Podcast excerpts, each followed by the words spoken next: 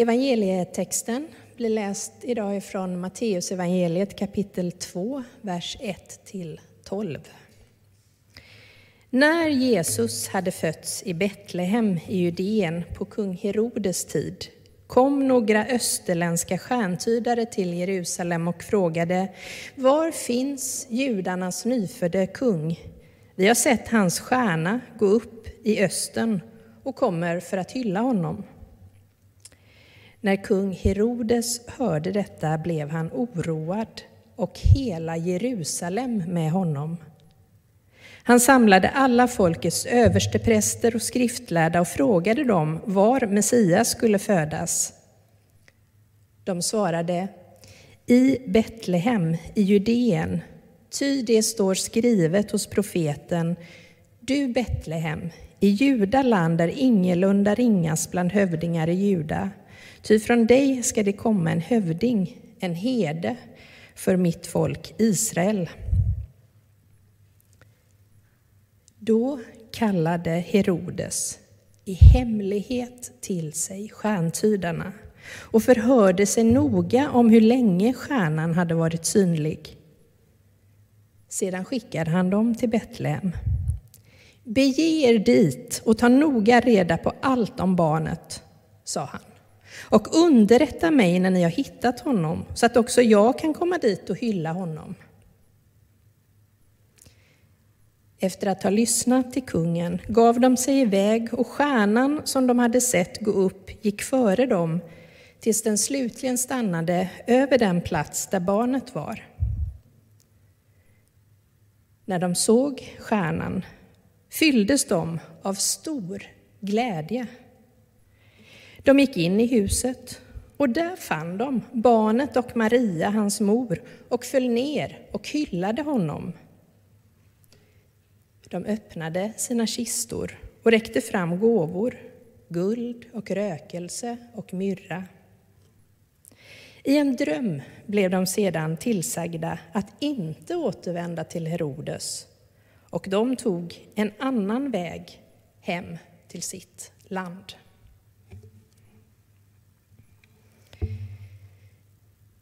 Världen över har den här berättelsen lästs idag, eller kommer läsas. Fredens stad, där hela mänskligheten räddades och försonades.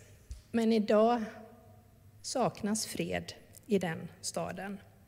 Olika parter hävdar sina rättigheter till staden och förnekar andras rätt. Också att be i Jerusalem har blivit föremål för politiska och militära åtgärder. Jerusalem var kungarnas stad, den stad där Jesus drog in, triumferade och förklarades som kung. Och naturligtvis var det ju hit stjärntydarna gick, till den kungliga staden där de ju skulle finna den nyfödde kungen som uppenbarats genom stjärnan. Men på ett liknande sätt som det är än idag drabbades då hela Jerusalem av oro istället för att välsignas av den nyfödde frälsarkonungen. Mörda alla barn som är under två år var budet som utgick från Herodes. Idag mer än någonsin behöver Mellersta Östern ett himmelskt ljus för att vägleda sitt folk. Stjärnan från Betlehem är ett tecken på att Gud vandrar med sitt folk, känner dess smärta, hör deras rop och lider med dem. Den försäkrar oss rakt igenom alla olika växlande omständigheter och smärtfyllda öden, att Guds trofasthet är oförminskad, att Herren varken slumrar eller sover. Han vandrar vid sitt folks sida, leder dem tillbaka när de är förlorade eller i fara. Trons väg är en vandring med Gud, som alltid vakar över sitt folk och som leder oss på historiens och livens växlande stigar så skriver de kristna företrädarna i Mellanöstern. De som har formulerat texter och växelläsningar och böner för den här veckan har valt temat om stjärnan som steg upp i öster av flera olika skäl. Medan många kristna, såsom vi, firar jul den 24 Eh, december så är det i många av Österns kyrkor trettondag jul man firar som en ännu viktigare högtid. Då uppenbaras Guds kärlek för folken i Betlehem och vid Jordan. Och fokus i den gudomliga uppenbarelsen är på ett sätt en skatt som kristna från Mellanöstern kan dela med sig av till oss. Stjärnan som ledde stjärntydarna genom ett tumultartat Jerusalem där Herodes konspirerar för att mörda oskyldiga människor. Också idag lider oskyldiga över hela världen av våld och hot om våld. På olika håll i världen flyr unga familjer undan tyranner, sådana som Herodes och Augustus. I dessa situationer söker människor ett tecken på att Gud är med dem. De söker den nyfödde kungen, ömhetens, fredens och kärlekens kung. Men var finns den stjärnan som leder vägen till honom? Ur materialet läser jag, det är kyrkans uppgift att vara den stjärna som lyser upp vägen till Kristus, som är världens ljus. Genom att vara en sådan stjärna blir kyrkan ett hoppets tecken i en värld av svårigheter och ett tecken på Guds närvaro bland sitt folk. En närvaro som leder dem rakt genom livets svårigheter.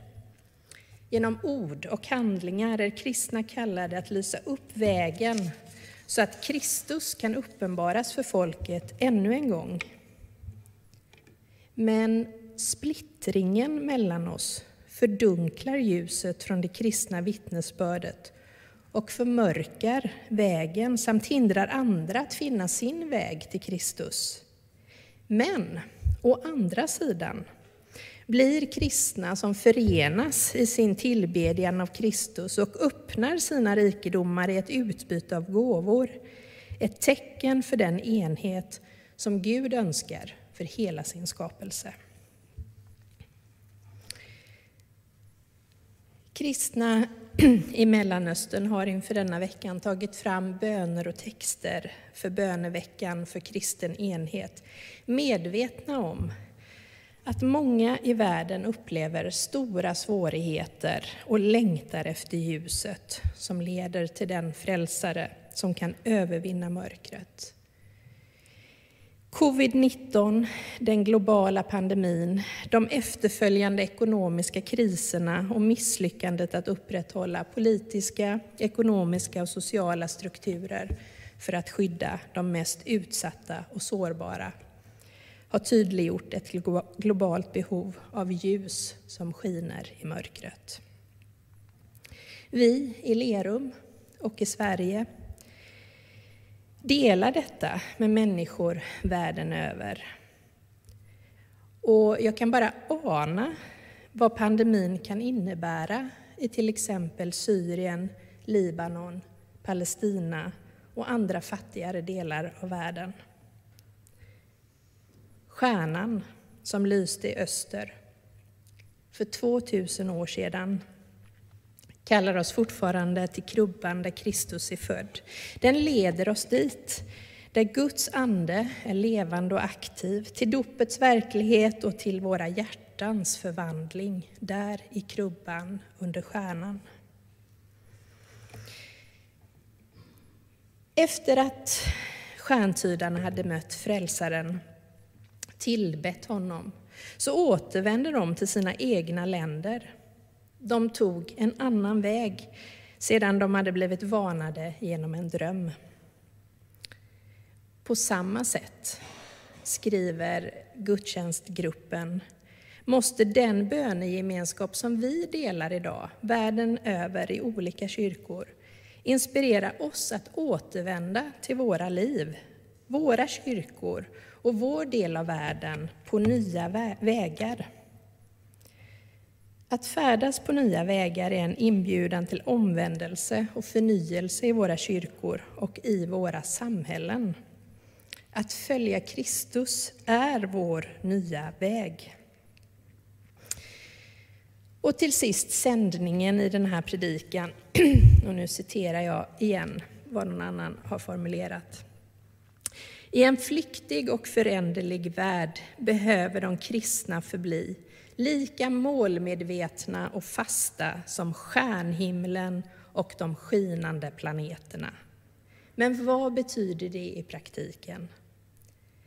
Att tjäna evangeliet idag fordrar att stå upp för mänsklig värdighet. Särskilt när det gäller de fattigaste, de svagaste och de marginaliserade.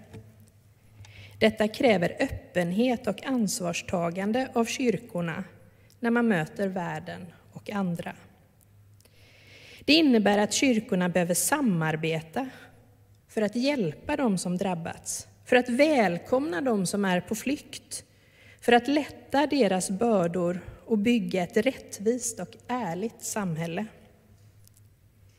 Det innebär en kallelse till kyrkorna att arbeta tillsammans så att unga människor kan bygga en framtid som gläder Guds hjärta. En framtid där alla människor kan leva i rättvisa, fred och kärlek. Denna nya väg mellan kyrkorna är den synliga enhetens väg som vi självuppoffrande söker med mod och lyhördhet så att vi dag efter dag låter Gud bli allt över allt. Så att vi låter Gud bli allt över